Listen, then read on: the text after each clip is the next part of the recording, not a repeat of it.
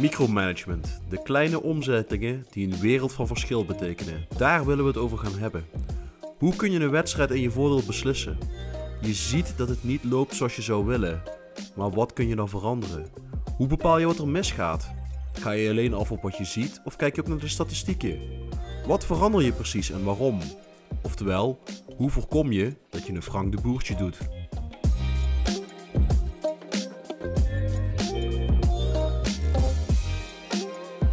de Football Managers United podcast.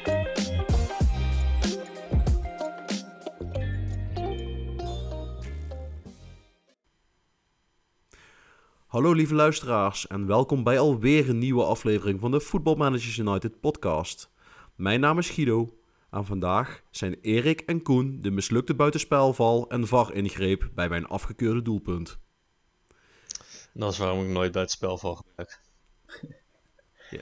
Ik, ik zou zeggen dat jij met je voorkeur voor enorm snelle spelers wel. Uh... Nou ja, oké. Ja, nou, ik heb, ik heb het uh, een paar keer geprobeerd bij het spel van ook in deze game. Maar dat, dat, dat zie ik toch wel dat, dat er gewoon te veel fouten worden gemaakt. En dat ik te veel spitsen één op één op mijn keeper af zie rennen. Misschien moet je ze dan ook eens gaan scouten op inzicht en niet alleen op uh, snelheid. zou misschien een verschil kunnen maken. Maar uh, voordat we helemaal afwijken, uh, Erik, zou jij jezelf kunnen voorstellen aan onze luisteraars? Ja, ja zeker. Uh, ja, bedankt in elk geval dat ik, er, dat ik erbij mag zijn. Ik ben dus Erik, ik ben 33 jaar, ik woon bijna 20 jaar nu in, in België.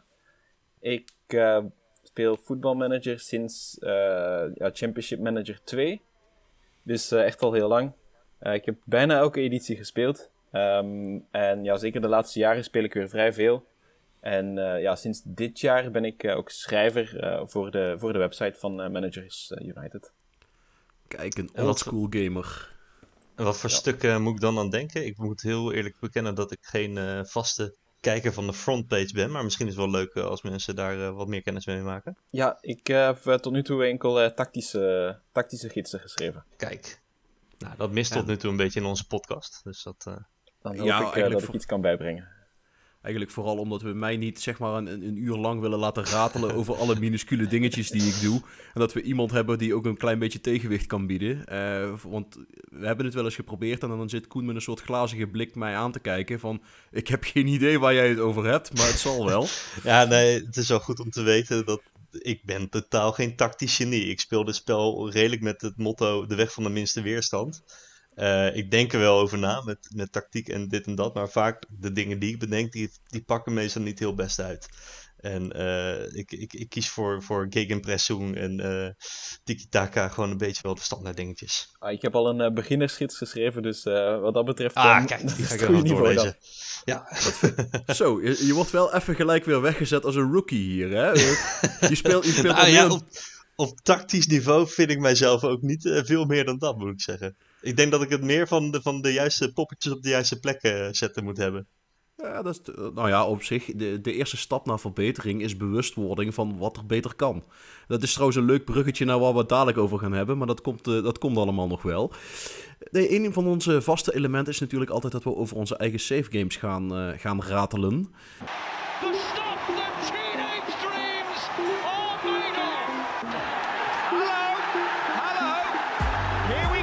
Onze eigen saves.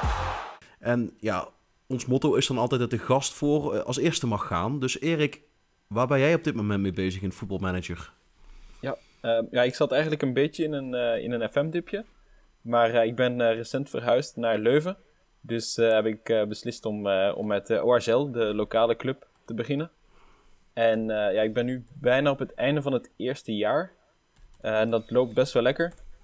Na 32 wedstrijden, geloof ik. Dus uh, ja, net voordat de, de speciale play-offs van België, voordat we daaraan beginnen, uh, sta ik nu op een derde plaats. Met een club die ja, eigenlijk moet strijden tegen degradatie. Dus uh, wat dat betreft, ja, prima seizoen. Ik zou zeggen, dat, dat gaat verdomd lekker dan. Ja, ja beter, beter dan verwacht. Ehm, financieel gaat het iets minder goed. Maar uh, ja, ORZL, daar zit een hele rijke eigenaar achter. Dus uh, die, uh, die heeft al een keertje 4 miljoen bijgestopt. Dus ik hoop dat hij dan nog eens wil doen. Ja, is dat niet hetzelfde bedrijf wat eigenaar is van Leicester City? die, die, die Thaise jongens? Ja, klopt inderdaad. King Power zit, daar, zit daarachter. Nog, nou, nog even en je kan meedoen aan de Super League.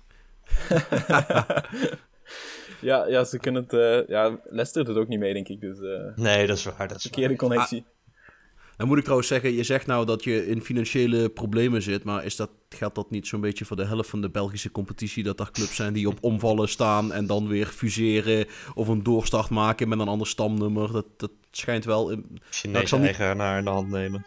Ik zal niet zeggen dat het schering en inslag is, maar het, het gebeurt wat, wat vaker. Ja, ik wil het best in jouw plaats zeggen dan hoor. Uh, volgens mij is Club Brugge de enige fatsoenlijk geleide club in België. Dus uh, ik denk wel dat we dat kunnen zeggen. Ah, oh, jezus man. Maar eh, Oud-Heverlee Leuveren, of uh, ik ga niet eens proberen om het uit te spreken zoals jij het deed. Hebben, hebben ze nog een beetje grote namen of bekende spelers onder contract staan? Of mannen waarvan je zegt, daar moeten we eens een keer naar kijken, want dat, dat, dat, dat zijn wel interessante spelers. Um, goh, bekende spelers. Ik denk dat Siebe Schrijvers de bekendste is. Um, ja, die kennen we wel. Voormalig Club mhm. Brugge speler, toch? Ja, klopt. Die uh, is dit jaar over, overgekomen van, uh, van Club Brugge. En uh, ja, ze hebben dan uh, huurspelers van, uh, van Leicester. Dus Benkovic, de centrale verdediger. Hm. Kroaat, toch? Ja. ja, geloof het wel. Kroaat. En dan heb je die, de rechts of links buiten, Soa. Een hele snelle, hele snelle jongen. Rob Koen. Ja. Dus ja, dat is inderdaad dat is de ideale speler voor jou. Um, verder ja, um, zit er Thomas Henry, een goede spits. En ehm, en dan uh, Xavier Mercier, een, uh, een aanvallende middenvelder. En echt uh, een beetje een luie tien. Dus, dat is mijn type speler. Ja, voilà, die laat ik ook, op, ook op die manier spelen. Dus, Kijk, dat is het betere werk. Nee, ik ben nou zelf even, op, ben ik heel eerlijk, in, op Wikipedia neuzen. En ik zie voor, de, voor de wat meer diehard FM'ers, die kennen de naam Frederik Duplu misschien. dat schijnt ook de aanvoerder te zijn uh, maar die kennen die waarschijnlijk nog als een jong talent... wat je ooit bij Sochaux kon oppikken uh, als, als veelzijdige verdediger. En voor de echte, echte hele diehards... die kennen misschien Moussa Altamari... Een aanvaller uit Jordanië, die schijnbaar is overgekomen van Apoel Nicosia. Maar die heeft ook in de Champions League een paar keer uh, interessante dingen laten zien. Die paar keer dat die Cyprioten een keer door de voorrondes heen kwamen. Dus dat, dat is mijn toevoeging. Uh, maar leuk, Oud-Heverlee uh, Leuven, sorry, excuus. Ik ben heel erg benieuwd wat je ervan gaat maken. En uh, ik, ik, ga, ik hoop ook dat we, dat we je save game ergens op de een of andere manier verder kunnen volgen. je bent in de toekomst sta je nog op het lijstje om nog eens een paar keer terug te komen als gast.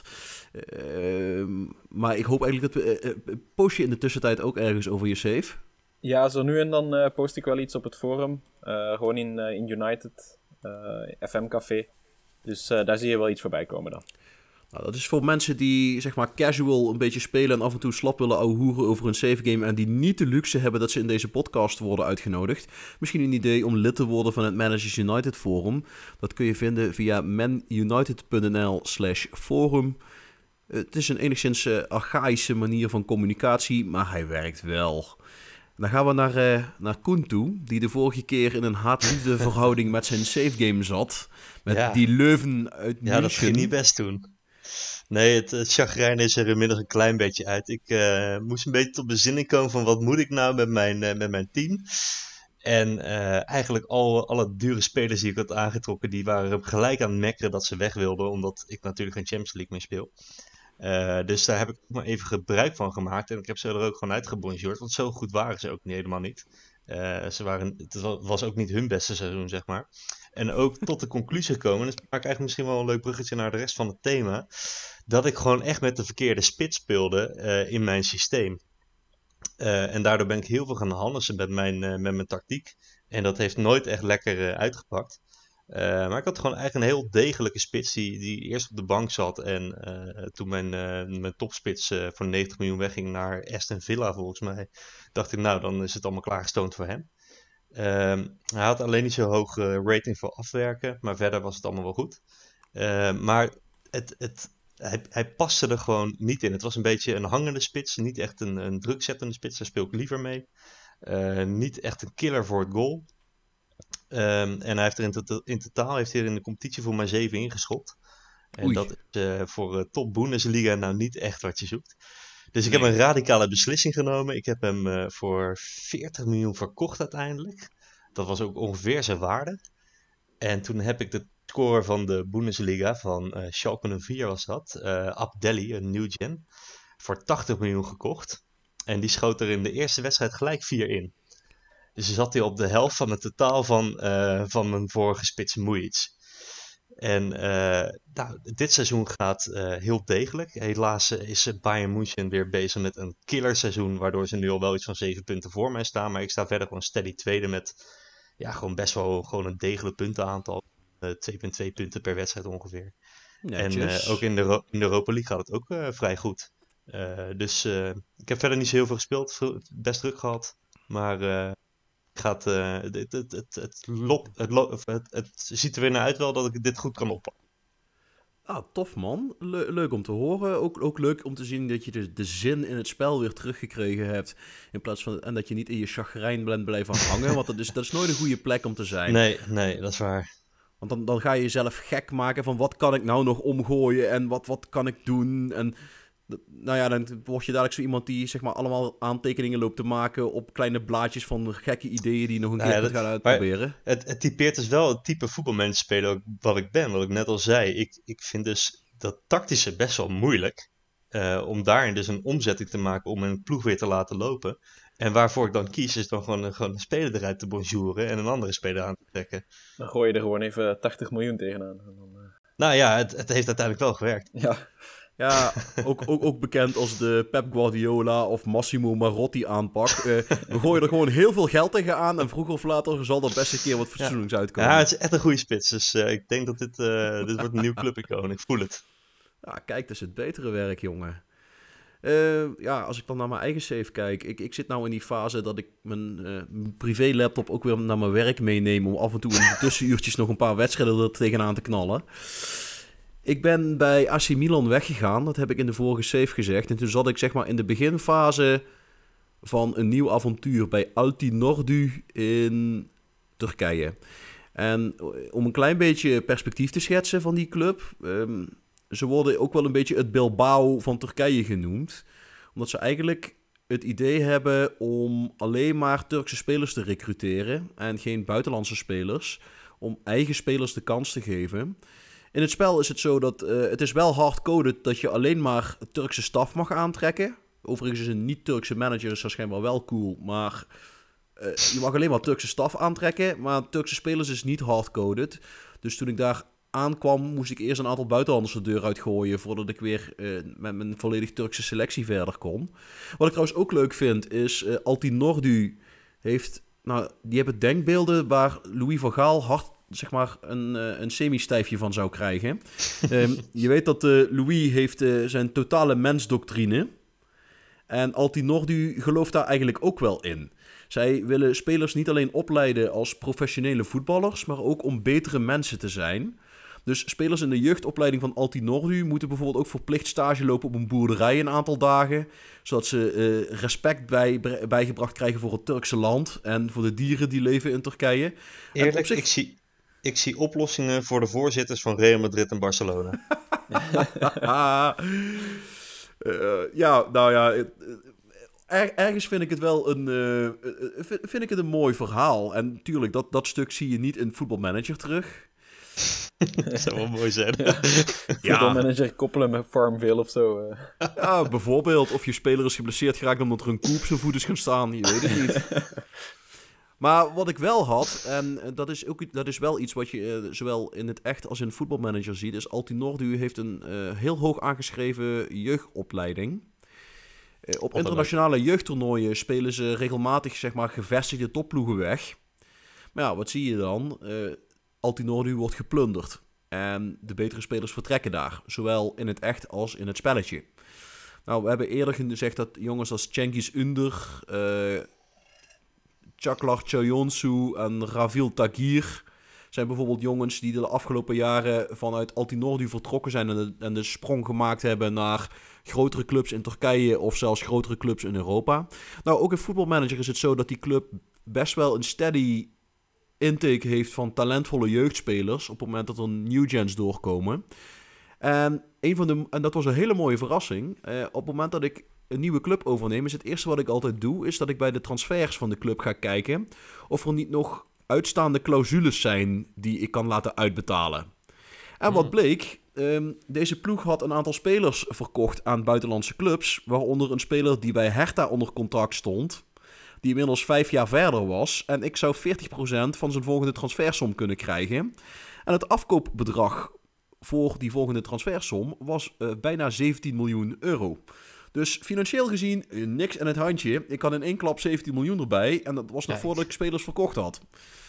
Nou ja, de spelers die ik verkocht heb, dat leverde me verder dus ook geen ene ruk op.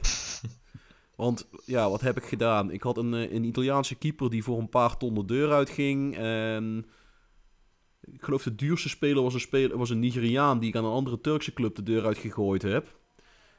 Nou ja, het, het, het was geen vetpot. Um, het enige wat jammer was, ik had één heel talentvolle speler, maar die had een release fee van 4,5 miljoen.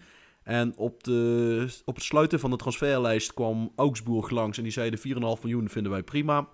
Toen was ik hem kwijt. Ik heb daar nog een trucje op losgelaten om geprobeerd om dat te omzeilen.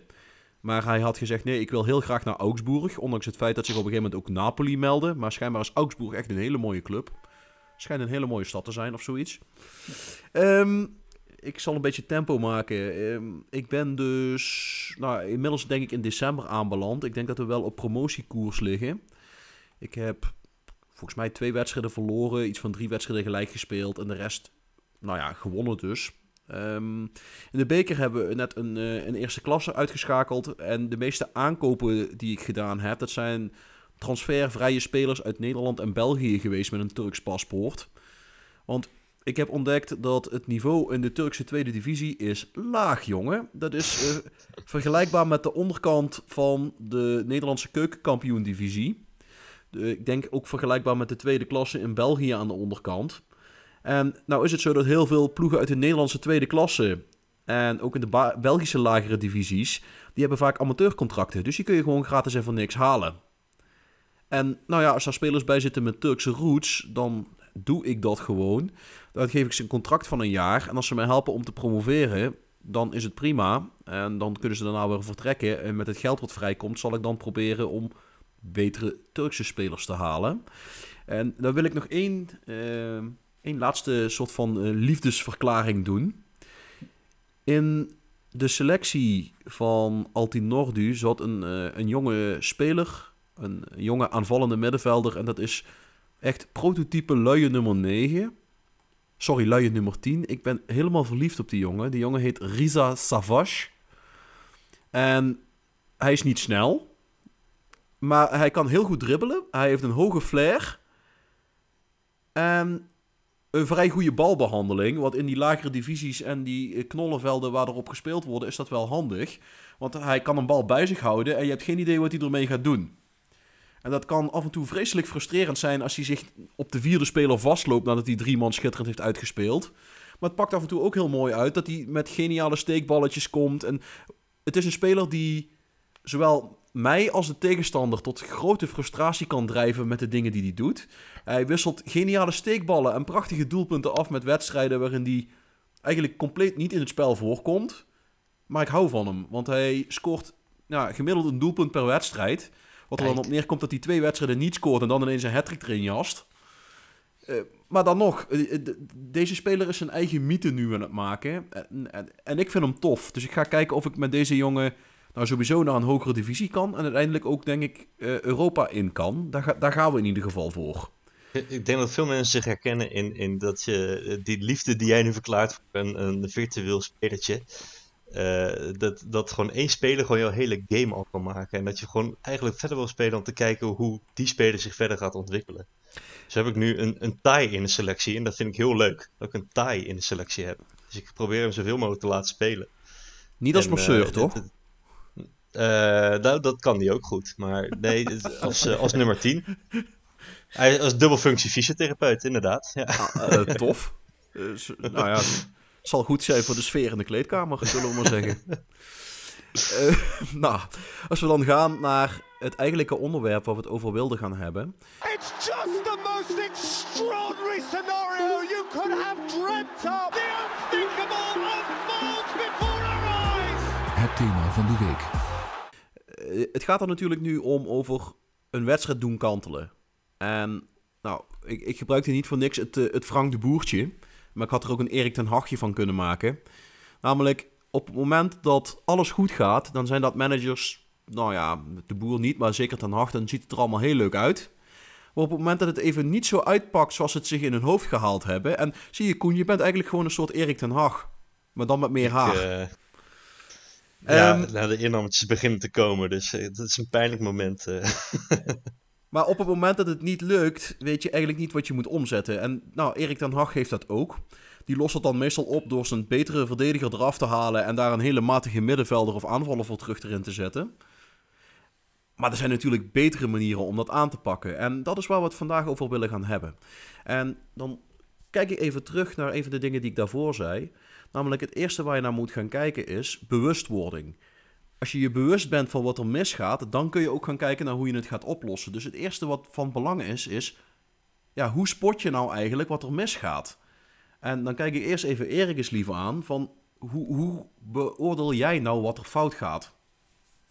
Goh, ja, er zijn eh, verschillende manieren voor natuurlijk. Ehm, het is ook een beetje te zien hoeveel, hoeveel tijd dat je hebt en hoeveel tijd dat je er wil insteken. Als je de wedstrijden wat uitgebreider bekijkt, ja, dan, dan zie je gewoon op je scherm wat dat er misgaat, waar dat je het balverlies leidt. Ehm, waar dat de ruimtes zijn, waar dat de tegenstander de ruimtes vindt. Ehm, als dat niet zo is, dan, dan kijk ik meestal eh, naar de, naar de passingstatistieken, naar het balbezit. Eh, en, en daar zie je toch altijd wel heel snel al eh, ja, of dat het, dat het goed gaat of niet. Voordat er, voordat er effectief echt hoogtepunten voorbij komen. Daar, daar herken ik me wel in. Want ja, je begint uiteraard altijd met je eigen observaties. En dan moet ik er wel bij zeggen, eh, dat kan misleidend zijn. Want als je alleen op de key highlights speelt, dan nou ja, zie je misschien af en toe eens iets fout gaan. Maar ja, dan mis je bijvoorbeeld sommige structurele problemen. Eh, daarvoor, vandaar dat de, de koppeling die je legt naar statistieken belangrijk zijn. Eh, wat ik ook belangrijk vind, is als ik een speler een fout zie maken, dan ga ik ook op die speler ga ik ook inzoomen verder op het moment. Namelijk, is het een technische fout van die speler? Oftewel, eh, heeft hij gewoon een slechte paas gegeven omdat hij een 3 heeft voor passing? Of had hij eigenlijk geen afspeelmogelijkheden en werd hij onder druk gezet en gaat hij dan maar op goed geluk gewoon een bal naar voren peren?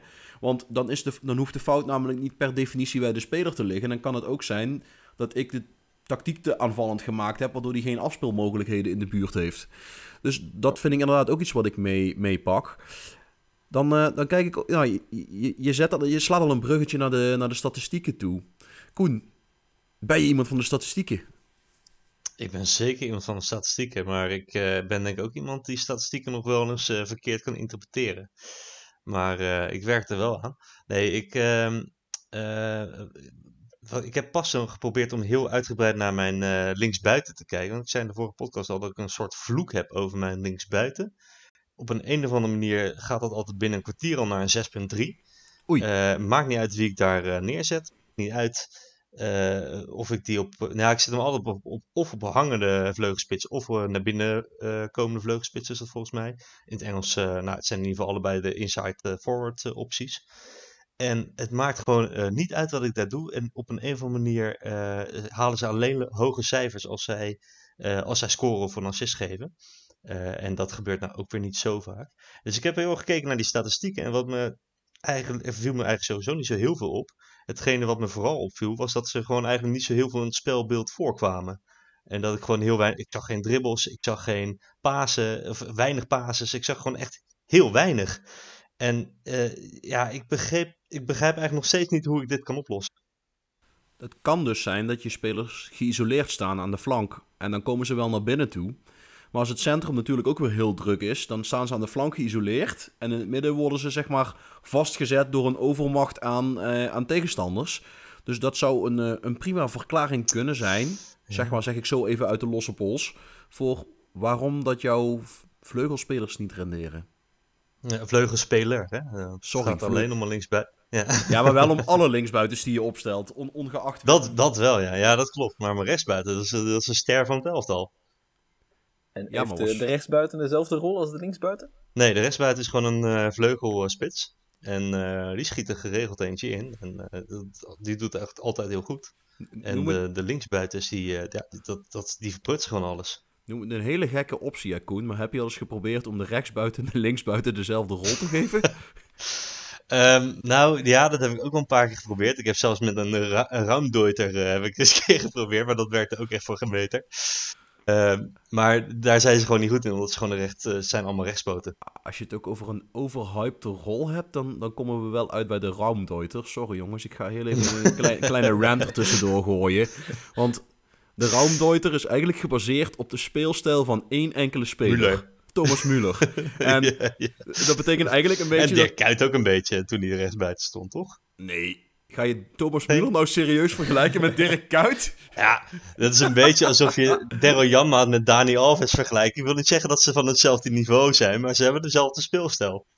Nou, weet ik niet. Ik vind eh Dirk Kuyt vond ik vooral een speler die zich moe maakte in defensief opzicht en die gaten dichtliep. Terwijl, zeg maar, Thomas Müller loopt geen gaten dicht, die zoekt gaten op om ruimte te creëren Ja, voor zichzelf. Dus dat is Fair denk ik wel, wel een iets andere insteek. Maar het probleem is wel, ik, ik kan zo 1, 2, 3 eigenlijk geen enkele andere vleugelspeler kunnen verzinnen die doet wat Thomas Müller doet. Dus ik, ik snap dat ze die rol erin gedaan hebben om, om een beetje relevant te blijven. En ja, je moet toch ieder jaar iets nieuws erin duwen. Maar dat is nou net echt letterlijk een rol waarvan ik gewoon echt totaal de toegevoegde waarde niet zie ten opzichte van een inside forward of een inverted winger of een, speel, of een spelmaker op de flank neergooien. Want al die rollen brengen min of meer hetzelfde. En het enige wat je bij een raumdeuter doet is je selecteert een rol die van alle drie een beetje doet, maar je weet nooit van tevoren precies wat hij gaat doen. Dus het is eigenlijk een enorme wildcard die je op die vleugel neertieft. En je zegt eigenlijk tegen die speler, nou zoek maar uit wat je gaat doen.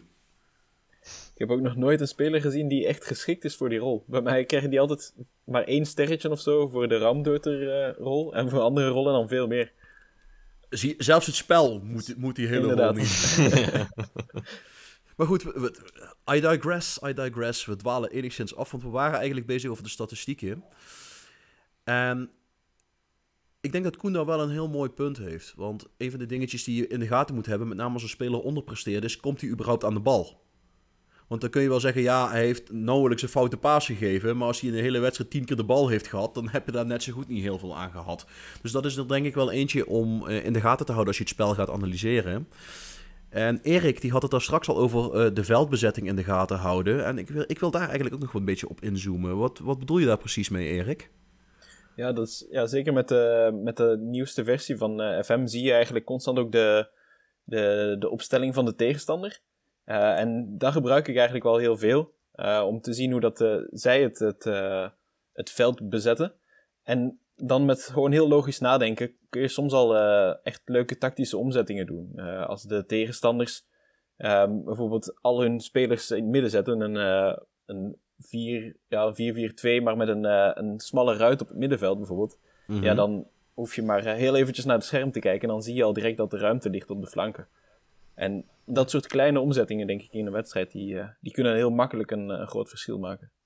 Ja, dat is eh, een van de weinige keren ook dat, dat ik mijn tactiek zeg maar, echt, echt duidelijk aan heb gepast aan de tegenstander in, in deze game. Dat ik tegen Borussia Dortmund speelde. Die speelde altijd in een 3-5-2 formatie. En dan dacht ik ook altijd, ja, als ik dan die flanken bestrijk, dan hoef ik in ieder geval niet door dat drukke middenveld heen te gaan. En die flanken van hun, die, die hebben eigenlijk maar één speler. Dus ik probeerde daar eh, die flanken eigenlijk over te, over te bezetten en eh, op, op die manier eh, te winnen. En dat ging soms. Ook vaak niet. Bleef Borussia Dortmund. Ik, ik denk dat, trouwens wel dat jullie, daar een, dat jullie daar een goed punt aan snijden. Door, de, door te bekijken in welke opstelling de tegenpartij speelt, kun je automatisch ook zien waar bij hen de ruimte zal liggen. Ik noem als wat een ploeg die 4-2-3-1 speelt, heeft dus ruimte liggen bij jouw aanvallende middenveld. Want normaal gesproken spelen die met twee centrale middenvelders. En op het moment dat je dat op de een of andere manier weet te ondervangen, ligt daar je ruimte. Er is geen enkele formatie die alles kan afdekken eh, over het hele veld. En een van de dingetjes die ik daar zelf heel handig in vind in de nieuwe FM, is die, die overlay in je tactiek. Waar je op een gegeven moment eh, rode en groen gekleurde vlakken in je scherm te zien krijgt. Want dan kun je automatisch zien in welke zones van het veld dat je zelf een gebrekkige bezetting hebt. En nou, daar ben ik, noem mij oldschool. Maar dan zeg ik nou, zeg maar dat vlakje helemaal linksbovenin en helemaal rechtsbovenin. dan interesseert me eigenlijk geen kloten. Want uit die hoek kun je toch niet op doel schieten. En de kans dat ze een fatsoenlijke voorzet afleveren die erin gaat, is eigenlijk ook vrij klein. Dus dat zal me niet zo heel veel verrekken. Terwijl ik vooral let op de as. Hoe, hoe sterk zit ik in de as? En heb ik daar overal groene vlakken of heb ik daar structurele problemen? Ja. En nou ja, dit sluit wel enigszins aan bij mijn rant tegen de Raumdeuter. Het is natuurlijk wel van essentieel belang dat je zeg maar niet alleen kijkt welke poppetjes waar staan, maar dat je ook weet in welke rollen dat je ze opstelt. En dat je dus ook weet wat het natuurlijke proces is van een, een rol. Wel, welk bewegingspatroon zo'n rol van nature erin heeft. Bijvoorbeeld, eentje die ik altijd hilarisch vind, is dan een speler die ze eh, zijn dan managers die zeggen: Ik speel met één verdedigende middenvelder, maar dat is een ball-winning midfielder. Ik heb geen idee wat de Nederlandse terminologie is trouwens. Uh, maar over de middenvelder. Ja, Dank u. is uh, redelijk. ik speel gewoon al. Ik speel eigenlijk nooit in het Nederlands. Um, maar in ieder geval, dan gaan ze jengelen over dat die middenvelder de hele tijd zijn positie verlaat. Maar dat is gewoon letterlijk wat die gozer doet. Een ball-winning midfielder of een balveroverende, balveroverende middenvelder gaat gewoon letterlijk achter de bal aan. Dat is een soort van Yorkshire Terrier die een, een tennisballetje ziet en denkt bal, bal, bal, bal, bal, bal, bal, bal. En als dat nou betekent dat hij helemaal naar de rechtsbuitenpositie moet rennen, dan doet hij dat ook. En dat, dat zit min of meer ook hardcoded in zijn instructies. Die jongens die hebben gewoon hardcoded erin zitten dat ze niet op hun positie blijven staan. Dat ze enorm hard druk zetten. En dat ze daarmee dus ook hun, hun positie in de steek zullen laten. En als je die jongen dan in zijn eentje die zone laat bestrijken, dan kun je er al van uitgaan dat hij de helft van de tijd niet in die zone staat. Dus en dat is een voorbeeld wat ik graag gebruik, maar zo zijn er meer voorbeelden. Eh, als jij niet weet wat een bepaalde rol doet in, qua bewegingspatronen, ja, moet je hem dan wel gebruiken. Of als je op een gegeven moment ziet dat hij dingen doet die je niet wil, dan kan die nog zo geschikt zijn voor die rol. Dan moet je misschien toch eens een andere rol overwegen die wel past binnen de tactische organisatie van je team. Ja. En nog een vraagje die ik had eigenlijk over rollen, misschien dat uh, meer spelers dat niet weten, is eh, stel je pakt een centrale middenvelder, gewoon een heel basic plain rol uh, waarbij alles open staat. En jij tikt precies alles aan wat bijvoorbeeld een uh, vooruitgeschoven spelmaker ook heeft. Speelt hij dan exact als een vooruitgeschoven spelmaker? Of is een, iemand die je aantikt als vooruitgeschoven, vooruitgeschoven spelmaker dan toch op een andere manier bezig? Ik kan daar denk ik wel antwoord op geven. in oudere versies van Football Manager had je een apart minuutje waar je spelmakers en targetmans, targetman in kon ah, selecteren. Dat is nou niet meer zo. Dat, die, dat, dat minuutje is verdwenen. En jij kunt, zeg maar, je plane centrale middenvelder kun je gewoon al die opties geven.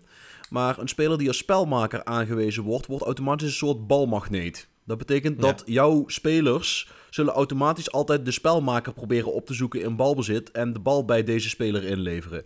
En op het moment dat je die speler niet als spelmaker hebt ingesteld, dan zal die wel vergelijkbare bewegingspatronen gaan uitvoeren, maar veel minder vaak in balbezit komen, omdat hij niet een soort van die natuurlijke balmagneet optie heeft. Overigens leuk dat je daarover begint, want over spelmakers wil ik in de toekomst heel graag nog een aflevering gaan opnemen. Ook met Erik als gast trouwens, als dat enigszins kan. Ja, ja, met plezier. Ja. Ik heb nu uh, met, uh, met ORZL heb ik de, de engage-rol uh, toch wel ontdekt. zoals ik al zei, ik heb een beetje een luie nummer 10, die, die niet echt kan dribbelen. Dus, en dan, ja, de engage-rol is daar, daar ideaal voor. En dan, hij staat gewoon ja, eigenlijk achter de spits en gewoon balletjes doorgeven, om het zo te zeggen. Ehm, maar wel, wel creatieve balletjes. En dat, werkt, dat werkt prima. Voor, voor de oldschool gamers onder ons of voor de mensen die van klassiekers houden. De typische Enganche, dat is een Juan Roman Riquelme of een Pablo Aymar. De traditionele luie Argentijnse nummer 10.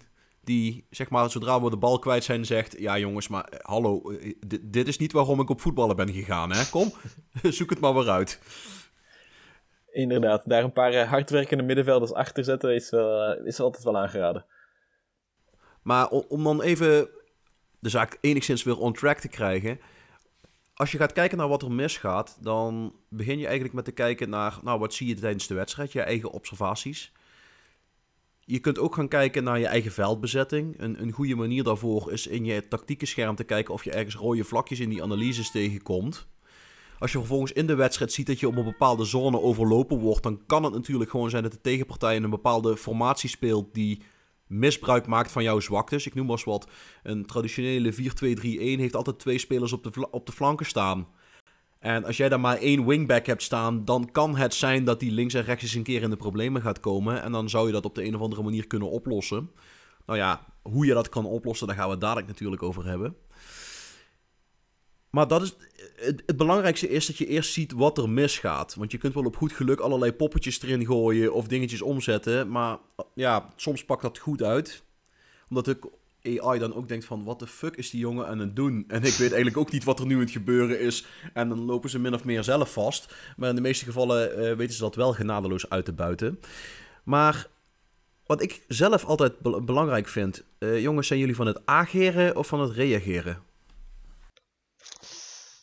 Dat ligt er een beetje aan uh, met welke ploeg dat ik speel ook. Um, het, het, liefste, neem ik zelf, zelf initiatief natuurlijk. Um, maar uh, ik moet zeggen, ik heb deze FM een, een leuke jeugd, ja, enkel jeugd game gehad. En ik had echt wel een, slechte ploeg. en dan merkte ik dat ik ook wel heel erg begon met, met reageren op, op veranderingen van de tegenstander. en bijvoorbeeld daar, was in, in, in Noorwegen dat ik speelde.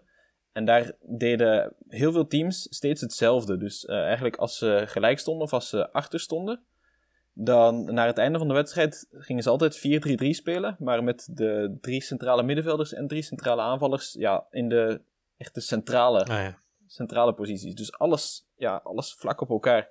En ja, dan opnieuw, zoals ik net al zei, dan, uh, ja, dan zie je wel waar dat het, uh, het gevaar van hun kan komen. Uh, en dan ja, was het heel simpel, dan was het gewoon heel smal gaan verdedigen. En, en op die manier ja, reageerde ik dan eigenlijk eerder op, op hun aanpassingen. En wist ik op die manier toch heel vaak de, de nul te houden dan. En dan clear ball to flanks, zeg maar de bal bij het uitverdedigen naar de, naar de wijde zone spelen. Want wat zij gaan doen is inderdaad dan die ballen pompen. Vaak staan er dan één of twee lange jongens voorin. En dan, ja, een beetje van dat Hail Mary voetbal. Inderdaad, ja. En op die manier ja, kun je gewoon met, met één of twee kleine aanpassingen kun je echt een, een groot verschil maken in, in de wedstrijd.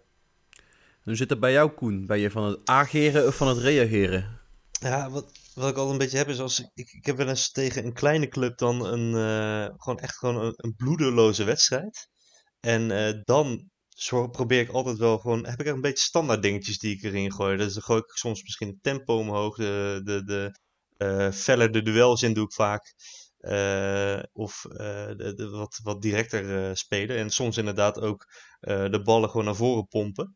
Um, al denk ik dat het naar voren pompen dat het eigenlijk gigantisch slecht werkt, heb ik nu een beetje ervaren. En eh, heb ik het idee dat het naar voren pompen vooral goed werkt als je op de counter speelt. Want dan komen er nog wel eens van die geweldige steekballen.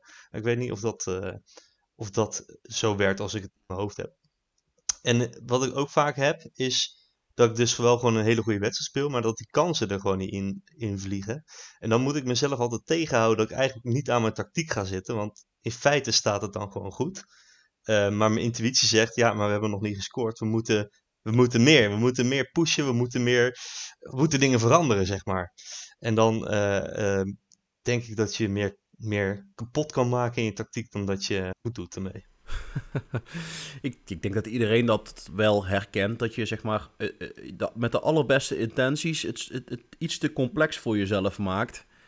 En dat je dan aan je zeg maar sneuvelt omdat jouw spelers niet kunnen uitvoeren wat jij zelf bedacht had. Of gewoon simpelweg omdat wat je bedacht had gewoon eigenlijk niet realistisch blijkt te zijn. Ah, in, in dat opzicht, eh, wat ik zelf altijd interessant vind, is dat soms beslissingen nemen die tegen je instincten ingaan, vaak hele goede beslissingen zijn. Want Erik gaf net het voorbeeld aan van de nul houden. Weet je, als ik de nul wil houden, dan ga ik juist vol op de aanval spelen. Echt ultra offensief. Want voor mijn gevoel geef ik dan weliswaar wat meer ruimte weg achterin. Maar als ik zelf de bal voorin vast weet te houden bij hen, want, waar ook ruimte ligt, want zij, gaan, zij trekken ook massaal ten strijde. Eh, de aanval is de beste verdediging, want als zij de bal niet hebben, dan kunnen ze ook niet tegen mij scoren. En dan, eh, zelfs met een underdog ploeg, heb ik het gevoel dat als ik maar ver weg blijf van mijn eigen doel, dat het me dan op zich best wel goed afgaat om die nul te houden. Ik heb een in de beta heb ik een keer met Sunderland gespeeld. En dan moest ik op een gegeven moment in een van die bekertoernooien tegen Manchester City. Ik heb die wedstrijd met 4-3 verloren. En dan zeg je, ja, vier tegendoelpunten, dat is hartstikke slecht. Maar Manchester City speelt twee divisies hoger. En ik ben gewoon ten strijde getrokken. En ik heb het zo ontzettend moeilijk weten te maken. En nou, uiteindelijk gesneuveld op een, uh, op een penalty, vlak voor tijd. En niet, niet ten onrechte overigens, want uh, op zich waren ze wel iets beter. Maar je, je kunt ook verdedigen door dingen te doen die niet logisch zijn. En andersom, als je een, een doorbraak wil forceren, is het soms, is het soms absoluut niet handig om ultra aanvallend te gaan spelen. Want stel je voor dat je tegen iemand speelt, uh, zeg maar een manager zoals Erik, die dan zegt ik ga narrow verdedigen. Uh, heel veel mensen in de eigen 16 en net voor de eigen 16. Als jij dan ultra aanvallend gaat spelen, stuur je alleen maar meer mensen die fuik in. Dus daar staan al bij wijze van spreken zeven spelers van Erik. En ik, daar staan er al één of twee of drie van mij. En ik gooi er dan nog eens vier of vijf bij. Dan krijg je gewoon een, een brei van spelers. En met een beetje geluk kan die bal misschien eens een keer via de kluts erin vallen. Maar 9 van de 10 keer is het gewoon een kwestie van... De, jij speelt een hoge bal erin of een bal vanaf de vleugel erin. Maar er staan heel veel mensen en iemand zet zijn voet tegen die bal en de bal is weer weg. En weer opnieuw. En ja, dat is een soort van hotse knotse begonia voetbal. En alleen een idioot die verwacht op een gegeven moment dat als je 100 keer dezelfde actie uitvoert... dat het dan op een gegeven moment een keer succes gaat opleveren. Want als het 99 keer mislukt, dan is de kans vrij groot dat het de 100 keer ook niet gaat lukken. Het is dan juist logischer om te zeggen, in plaats van ultra aanvallend te gaan spelen, ga je wat meer controlerend spelen. In de hoop dat je de tegenstander een beetje uit zijn schulp lokt. En daardoor dat er ruimte achter die verdedigende lijn komt te liggen. Of dat je ergens in ieder geval ruimte creëert voor je spelers om een aanval mee op te kunnen starten. Ja, nee, dat, uh, dat achter wat je zei over, over uh, aanval zijn beste verdediging. Dat merk ik ook wel heel erg in voetbalmanager. Dat als je achteruit leunt. Dat is me voor mij één keer gelukt om daadwerkelijk resultaat te halen. En dat was ook veel meer gelukt dan wij zetten. Dat was voor mij in deze game tegen Bayern München. Dat ik echt 40 schoten tegen had en ook met twee voor. En ik gewoon een penalty mee had en zij er eentje hebben gescoord. Maar anders is inderdaad uh, met, met lef voetballen. En vooral, ja, ik gebruik dus heel veel pressievoetbal. Uh, dat, dat werkt gewoon ook gewoon voor de kleinere ploegen bij mij vaak het beste.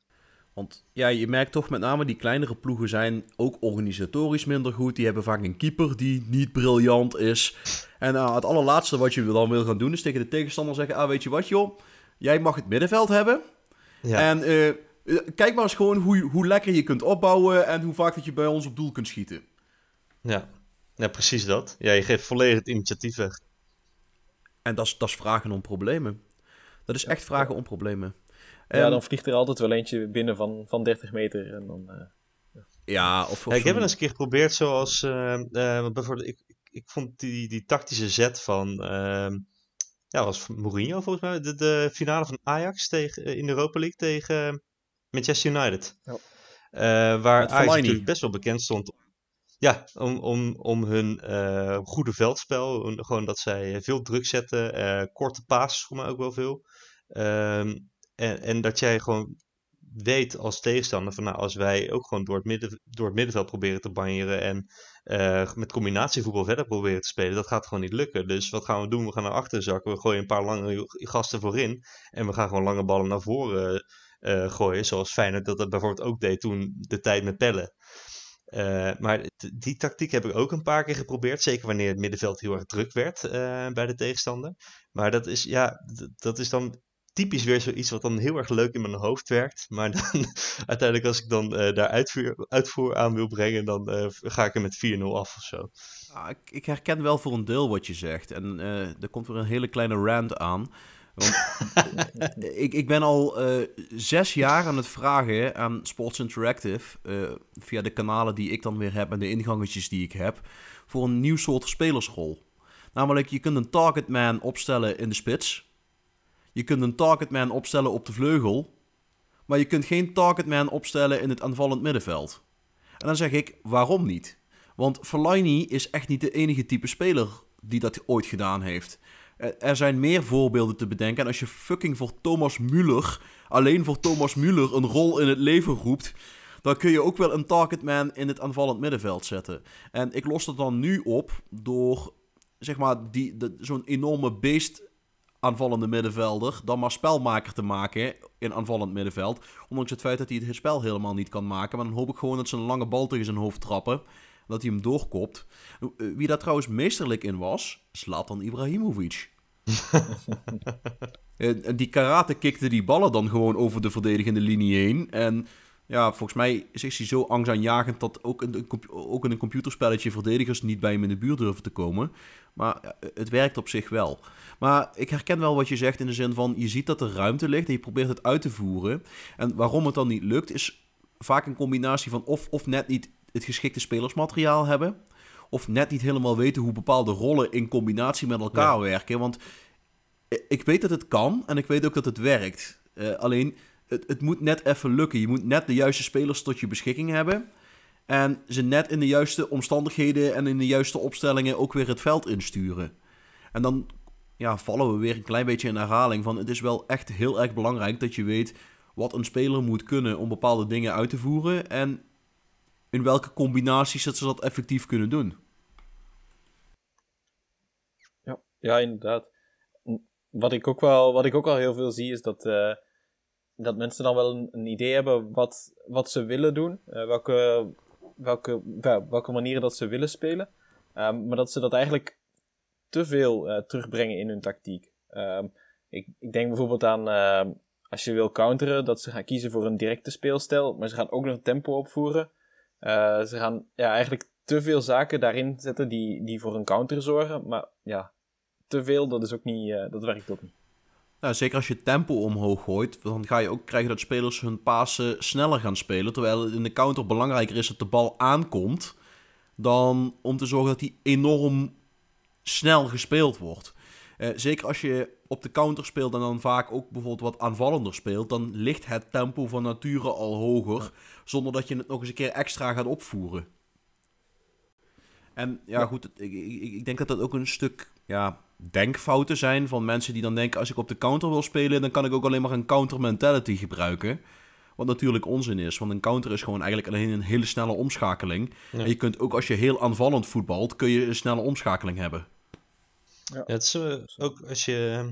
eh, ik had het Pieter Zwart pas horen zeggen. Ik weet niet meer bij welke podcast. Maar eh, dat, dat de meeste doelpunten. die vallen eigenlijk uit de, uit de opschakelingssituaties. Als je naar de, naar de statistieken gaat kijken. En als je dat zeker als je dat vergelijkt met eh, eh, voorzetten en met afstandsschoten. dan is een omschakeling gewoon eh, de, de dominante manier om te scoren, om het zo maar te zeggen. Ja, ja en ik moet zeggen, dat, ik heb het idee dat dat in, in ook zo is. Zelfs in, in de, de, de spellen, als ik zeer dominant speelde, dan nog kreeg ik mijn meeste doelpunten uit, uit counters. Eh, een van de dingetjes, maar die wil ik eigenlijk ook enigszins gebruiken voor die aflevering over spelmakers, is dat eigenlijk eh gegenpressing of pressing is eigenlijk ook een vorm van een spelmaker gebruiken. Alleen heb je dan niet één speler die het spel bepaalt, maar is jouw speelstijl met druk zetten op bepaalde spelers, is daarmee je spelmaker geworden. Want daarmee forceer je fouten waarmee je effectief ook kansen kunt creëren. En dat is eigenlijk de rol van een spelmaker, kansen creëren. Alleen doe je het nu door middel van pressing. En ik denk dat dat een heel mooi eh, bruggetje is naar opposition instructions. Gebruiken jullie die?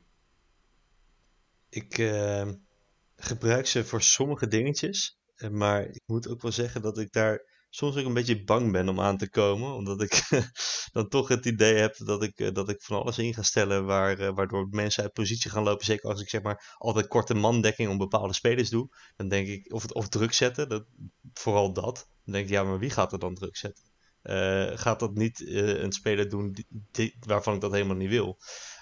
Dus ik, ik gebruik het soms bij een, een, het, gewoon echt de beste speler van de tegenstander om die lam te leggen. Eh, vaak een spelmaker bijvoorbeeld. Of eh, wat ik ook nog wel eens doe is een, eh, een aanvallende back die vervelend kan zijn. Om ervoor te zorgen dat mijn, mijn buitenspelers ook een beetje wat gaan doen. Ja, ja, bij mij een beetje hetzelfde eigenlijk. inderdaad, de, de buitenspelers vaak op het verkeerde been dwingen. Zeker de backs. En, en, en spelmakers wat harder aanpakken. Ehm, ook soms als er al iemand licht geblesseerd is, dan durf ik ook wel eens te vragen om, om wat harder door te tackelen op, eh, op die mensen. dat, dat, werkt ook, eh, dat werkt soms ook nog wel.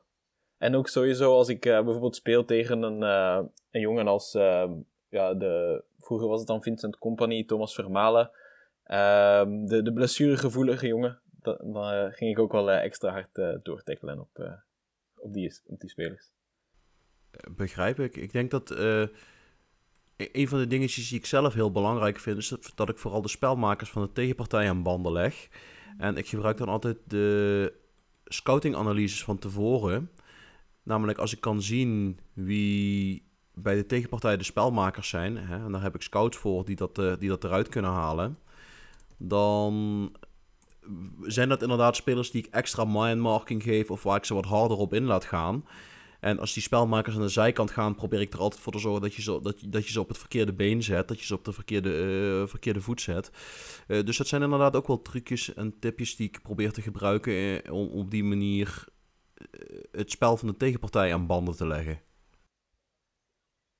Nog, misschien nog een tip daar voor, mensen die in de zeer lage divisie spelen en geen geld hebben voor een scout om de tegenstander te bekijken van tevoren. Als je de, de passingstatistieken van de tegenstander eh, de eerste 10 minuten bekijkt, dan eh, weet je direct wie dat de spelmaker is van de tegenstander. Ja, ja, ja, ja. ja. dat Ik, ik, ehm, de basisstatistieken zei je. Eh, ik heb altijd eh, de formatie van de tegenstander heb ik op mijn scherm staan. En daar komt dan in, na verloop van tijd ook alle rollen die komen daar voorbij. Ja, maar dat duurt meestal iets langer. Dus eh, na, 10, na 10 minuten zie je het aan de passingstatistieken zie je Oké, het al wel. grappig.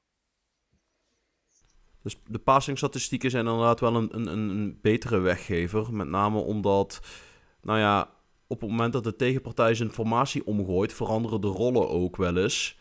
En dan hoeft het inderdaad niet per se zo te zijn dat degene die van tevoren de spelmaker is, daarna nog steeds de spelmaker is. Dus dan, eh, ik denk dat het een hele goede toevoeging is inderdaad om op die manier eh, de zaak geregeld te krijgen. Eh, heren, hebben jullie ook een, eh, een plan B? Want ik weet, je kunt natuurlijk meerdere tactieken opslaan, eh, maar hebben jullie ook echt een plan B? Nou, mijn plan B is, is altijd een beetje improviseren. Vaak ehm, haal ik me linksbuiten eraf, omdat hij niet presteert. Maar daar hebben we het over gehad. En dan, dan gooi ik daar een, spits voor in de plaats. Of ik maak van mijn nummer 6 maak ik een nummer 10. En ik ga in plaats van, eh, van 4-3 met de punt naar achter, juist met de punt naar voren spelen. Eh, maar echt een, eh, een plan B als in ehm, eh, een volledig nieuwe formatie en een volledig nieuw idee van spelen. Ehm, heb ik niet met als voornaamste reden dat het mij al vaak niet lukt om één goed renderende tactiek te hebben. Laat staan twee. Ja, eh, ik, ik, ik heb dan zelf wel vaak echt een, een, een, plan B. Plan A is meestal mijn, mijn counterpressing kort, combinatievoetbal. En plan B is dan meer vechtvoetbal en dan echt lange ballen. Eh, op een type Ibrahimovic of in ieder geval een grote sterke vent voorin. En eh, die, gaat, die gaat de duels aan met twee lopers eromheen... die dan anticiperen op doorschietende ballen of afvallende ballen. En ik, ik heb dan wel echt een, een, een plan B. En heb, eh, plan C, dat is mijn... eh, ik noem dat altijd eh Il Bunker. Ik weet niet of jullie het, het, het wonder van Castel di Sangro ooit hebben gelezen als boek. Nee. Ehm, de auteur van dat boek, die heeft beschreven, nou ja, trouwens op zich wel een, een tip om te lezen ooit, als je het wil. Maar goed, we zijn geen boekenclub.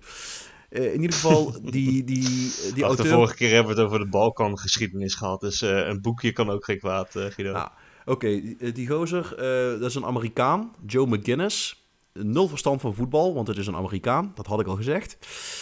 Eh, die is toen op een gegeven moment een, een ploeg gaan, eh, uit een een of ander Noord-Italiaans bergdorpje gaan volgen. Een dorpje van 5.000, 6.000 inwoners en die waren per ongeluk gepromoveerd naar de Serie B. En hij is die toen gaan volgen, een seizoen lang, uit- en thuiswedstrijden, is ook in dat dorp gaan wonen.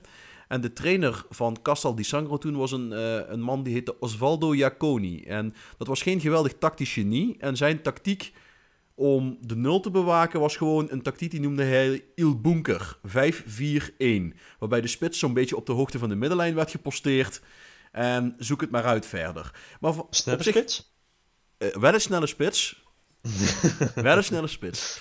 Maar in ieder geval, ik, ik vond dat zo'n leuke naam dat ik dacht Il Bunker. En nou, je kunt er wel wat van maken. Alleen mijn Il Bunker zat, eh, zeg maar, geen laag blok. Waarbij alles en iedereen in de eigen 16 kruipt. Maar zou ze dan eerder ter hoogte van de middenlijn proberen op te vangen. Of net over de middenlijn. Met het idee, hoe dichter ze bij mijn eigen doel komen, hoe meer ik om problemen vraag en om tegendoelpunten vraag. Maar dat zijn mijn plan A, mijn plan B en mijn plan C. En dan kijk ik de kant van Erik eens uit, want ik zag die net al enigszins hoofd, hoofd, sorry, hoofdschuddend knikken. Ja, ik heb, uh, ik heb eigenlijk, zeker in mijn huidige game, heb ik, heb ik twee, twee verschillende plan B's. Uh, het eerste is een beetje vergelijkbaar, dus uh, ja, ik zet er dan gewoon een extra spits bij. Uh, ik zet het op vroege voorzetten geven en dan, dan hoop ik dat het een keer goed valt. Um, en nu, mijn, mijn tweede plan B, dat is een beetje wat, wat Guido net ook al aangaf. soms als je ja, moet scoren, is het juist beter om niet meer aan te vallen. En uh, dan haal ik eigenlijk mijn spelmaker uh, een, een linie naar achter of twee linies naar achter. Of zet ik hem wat meer op de zijkant in de hoop dat hij daar wat meer ruimte vindt. En dan, uh, dan hoop ik dat hij, dat hij daar ergens zijn, zijn briljante gaves kan, kan laten hm. zien. Om, om op die manier toch nog iets te forceren.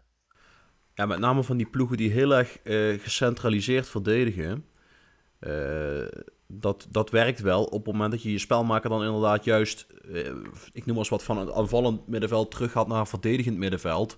Of als je echt kinky wil gaan doen, dan ga je voor een libero. Nee, echt, dat, is de, dat is de meest fantastische rol in voetbalmanager. En, uh, ja, goed, voor de mensen die geen fan van hem zijn, uh, Rigetli Bazour benadert enigszins met wat libero in voetbalmanager doet. Namelijk, je hebt een verdediger die met de bal aan de voet gewoon begint te lopen. En dan op een gegeven moment ineens crosspasses over 30, 40 meter gaat versturen. Of gaat proberen om spelers weg te steken in de ruimte. Uh, dat, levert niet altijd, dat levert niet heel vaak doelpunten op. Maar je creëert er wel ruimte mee voor jouw lopende mensen in andere zones van het veld. En ja, ik vind het een fantastische rol. Want ja, welke idioot zet nou hoog druk tegen een topploeg? Met name als je een grotere ploeg bent, is een Libro echt een, een, een uitkomst. Want de meeste ploegen gaan niet volle bak druk zetten op jouw centrale verdedigers. Dus die jongen krijgt vaak best wel veel tijd en ruimte om, om het spel te verzorgen. Om, om de opbouw van het spel te verzorgen. En ik weet dat. Um, kennen jullie de YouTuber Fox in the Box? Foxy? Nou, die heeft een hele special gedaan op een gegeven moment. Met dat hij zijn spelmaker op de vleugel neerzette. Waarom? Hij had ontdekt dat de meeste tegenstanders in zijn competitie uh, of maar met één wingback speelden, of heel narrow speelden met drie centrale middenvelders. En dat daar dus ruimte lag voor zijn spelmaker om ruimte te vinden en van daaruit crosspasses de 16 in te gooien, waar zijn spitsen dan vervolgens daar ja, van konden profiteren. Dus ik denk dat ook het sleutelwoord hier is: ga op zoek naar ruimte. Kijk waar er ruimte ligt en waar je ruimte kunt creëren. En dat is een soort van uh, misleiding ook. Je, je laat de tegenstander denken dat jij dit doet, maar in de, in de tussentijd haal je een speler ergens anders naartoe. Waardoor, de, waardoor hij meer tijd en ruimte krijgt om het spel vorm te geven. Het zijn wel de, de leukste momenten, denk ik, in voetbalmanager. Dat als het niet loopt met, jou, met jouw wedstrijd en jij doet wat, wat aanpassingen in je tactiek. En je weet die, die eh, wedstrijd over de streep uh, te trekken. Ik denk dat dat wel de meest voldoende wedstrijden zijn ten opzichte, zeker ten opzichte van bijvoorbeeld zo'n 4-0 overwinning is, uh, wat, wat een kat in een bakje is, zeg maar. Da daar haal je wel, dat, dat, merk ik wel. Daar haal je wel heel veel voldoening uit. Zeg jongens, zullen we Frank de Boer anders gewoon eens een kopietje van Voetbalmanager 21 sturen, dat hij misschien kan oefenen? Uh, ja, moet wel snel zijn. Dat, uh, dat wel. Alhoewel, uh, als al die spelers inmiddels. Ja, ik weet niet hoe het nieuws natuurlijk is. Of dit online komt te staan. Maar als al die spelers daadwerkelijk niet mogen meedoen met het EK, dan, dan zie ik Nederland nog wel kans maken.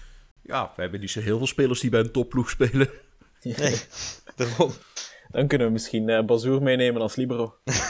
ah, doe maar niet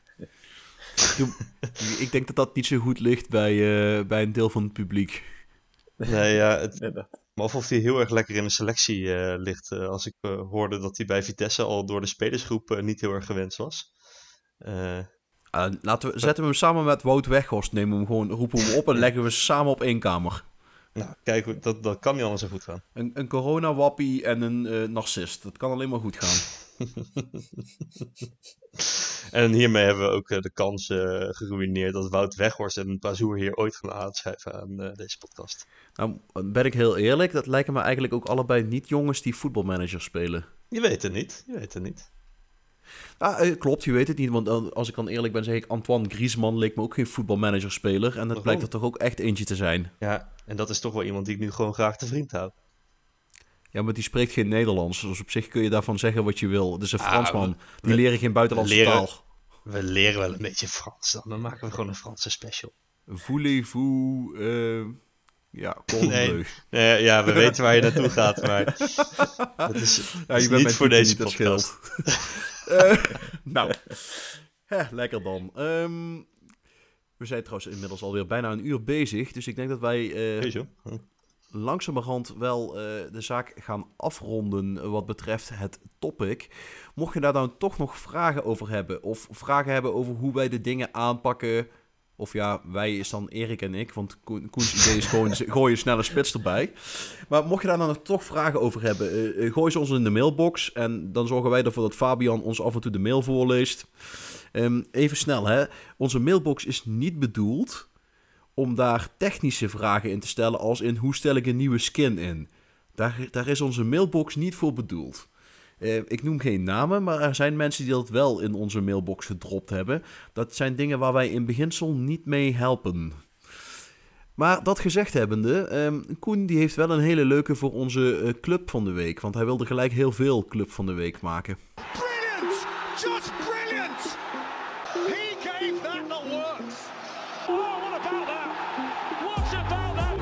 De club van de week. Ja, ik wilde, er, eh, ik wilde er eigenlijk gewoon 12. En dan weet je al naar welke kant ik eh op ga natuurlijk. Eh, want de club van de week hoeft natuurlijk niet altijd positief te zijn. En de- ik dacht, ja, ehm, laten we deze 12 clubs, de 12 topclubs die de Super League willen gaan opstarten, het club van de week maken om te kijken hoe Guido ook ervoor kan zorgen, of tips kan geven eigenlijk, misschien is dat een beter woord. Eh, over hoe kunnen wij deze clubs in voetbalmanager nou maximaal ruïneren. Nou, ik denk dat eh, de uitdaging daar vooral erin ligt, is dat je ervoor wil zorgen dat ze hun geld kwijtraken. En als je ze zelf overneemt, is het natuurlijk ontzettend bevredigend om al die jeugdspelertjes peperdure contracten te geven met enorme verlengingen erin en enorme clausules. En, maar ja, dat, is, dat, dat vereist niet echt skills.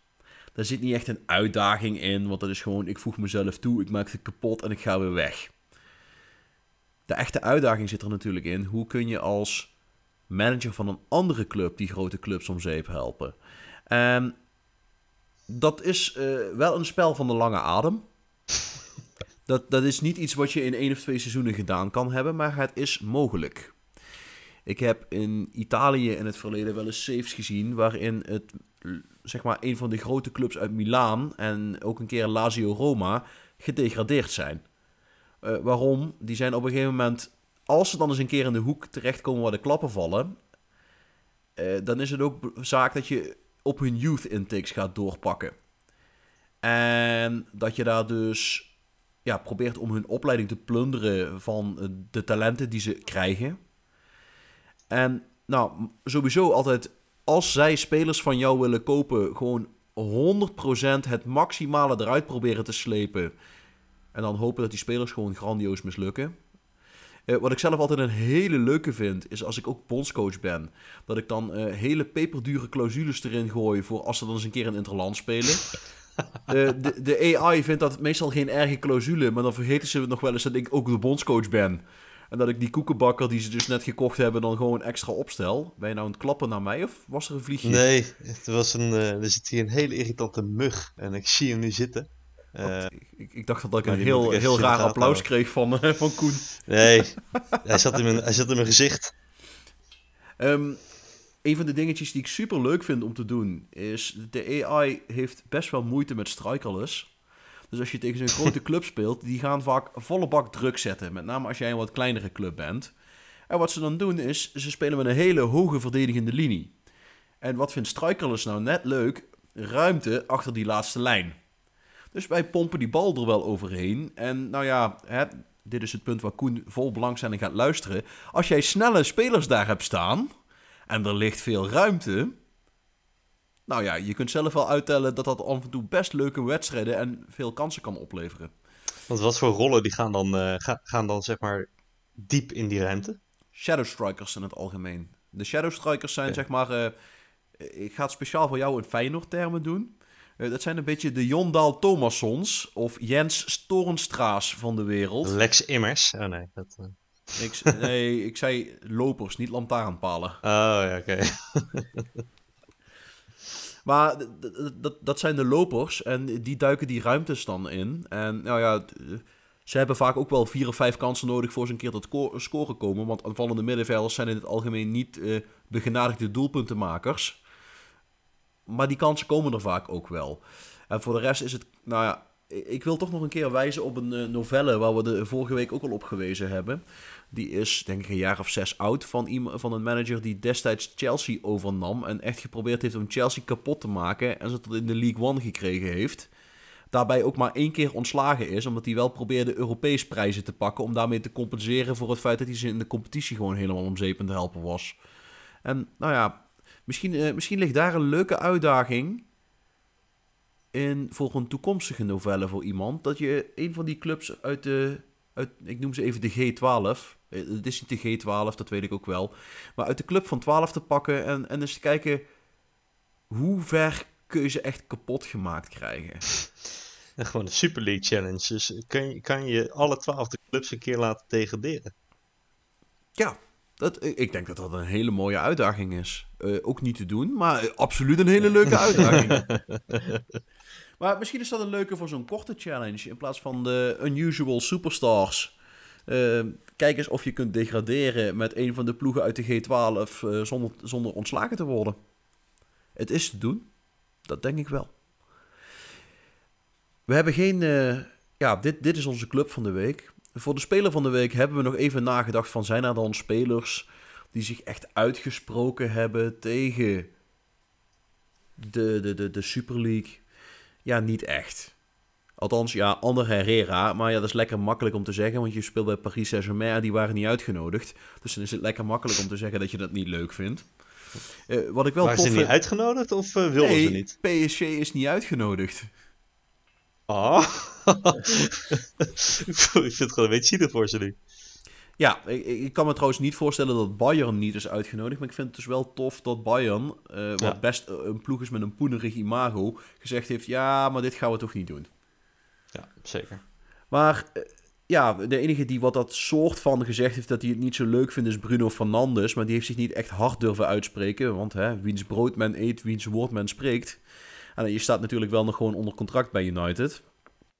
You do not shit, shit where you eat, eh, Ja, is precies. het gezegde. Nou, dat betekent toch volgens mij dat je niet met collega's naar bed gaat omdat je dan nog moet werken. Dat is niet helemaal... Ja, dat misschien ook, maar eh, ik denk dat het hier ook over op gaat. Eh, op zich wel. Je gaat in ieder geval... eh, ja, volgens mij staat meer... You do not bite the hand that feeds you. Ik denk dat er vele gezegd zijn. Maar in ieder geval, je kunt er wel wat mee. Ehm, zo zie je maar. We zijn van alle markten thuis. We zijn ook gewoon goed voor Engelse spreekwoorden en uitdrukkingen. We, we, we schudden het gewoon zo uit onze mouw. Wat ik best knap vind, vind ik heb mijn t-shirt aan. Dus ik heb maar hele korte mouwtjes. Ehm, hoe dan ook. Speler van de week hadden we niet echt iets eh, voor gevonden. Dus eh, nou, mag, mag ik er dan gewoon een traditionele luie nummer 10 tegenaan gooien? Uiteraard. Dat mag zeker. What is going on here? He's done it again! Oh, genius! Absolute genius! De speler van de week. En ik, ik heb altijd een zwak voor Balkan nummer 10's. Waarom? Eh, dat zijn vaak, ik noem dat altijd geniale gekken. Die, die kunnen momenten van genialiteit afwisselen, eh, moeiteloos afwisselen met momenten van gekte. Dat ze ineens een rood waas voor hun ogen krijgen en dan in natrappen of een tackle met twee benen van achterin zetten. Of een kopstoot uitdelen. En eh, mijn geniale gek in dit geval is een, speler van eh, Dynamo Zagreb. Lovro Majer. En dat is al een prachtige naam, die, die, die rolt van de tong. Dat, dat geeft, ik weet niet, het roept bij mij gevoelens van, van nostalgie op. Ik ben een aantal keren in Kroatië op vakantie geweest en ik denk dan gewoon terug aan, eh, zeg maar, avonden op het strand met een fles wijn en eh, heel veel, nou ja, eh, heel veel worst en andere vreten, andere vreten erbij. Leuke avond in ieder geval. Lovro Mascher is een traditionele nummer 10. Een echte spelmaker, ook inzetbaar rechts op de vleugel en ook inzetbaar op het centrale middenveld, maar toch op zijn best achter de spits. Eh, in het bezit van een meesterlijke steekpaas. Ik heb hem in het verleden ook wel eens naar Ajax gehaald als opvolger van Ziyech. Uh, dat kun je tegenwoordig nog steeds doen. Voor een miljoentje of zes is hij op te halen in Kroatië. En je haalt er een technisch begaafde middenvelder mee in huis. Met geen geweldig werkethos. Um, bij balverlies heb je niet zo heel veel aan Lovro. Dan laat hij het enigszins lopen. Ook leuk is dat hij er een beetje uitziet als het, uh, als het debiele neefje van Luka Modric. Dus zeg maar zo'n bloem, zo'n bloempotkapsel. Uh, uh, maar het is wel echt een hele goede voetballer. Dus dat is onze speler van de week. Dit is niet echt reclame wat ik aan het maken ben. Hè? Als ik hem het debiele neefje van Luka Modric noem. Nou ja. Ik denk dat er veel voetballers nog altijd blij zouden zijn met, uh, met de helft van de kwaliteiten van, uh, van Modric. Dus wat dat betreft. Dat, daar, daar heb je op zich wel een punt, Erik. Daarmee gaan wij afsluiten. Ik wil jullie bedanken voor het luisteren naar alweer dik een uur van ons gezever. Vragen insturen, dat kan via Twitter, at ManUnited of at. Je kunt ons ook bereiken via podcast.manunited.nl. Als je nou denkt, ik wil ook wel eens een keer als gast komen. Erik kan beamen dat het best gezellig is. Dan ben je van harte welkom. Maar laat ons wel even wat weten. Als je ideeën hebt voor onderwerpen, laat het ons ook weten. En vergeet je vooral niet te abonneren op onze podcast. En of je dat nou via Spotify of iTunes doet, het maakt niet uit. Doe het gewoon. Dan krijg je een waarschuwing als we weer een nieuwe aflevering droppen. De Voetbal Managers United podcast.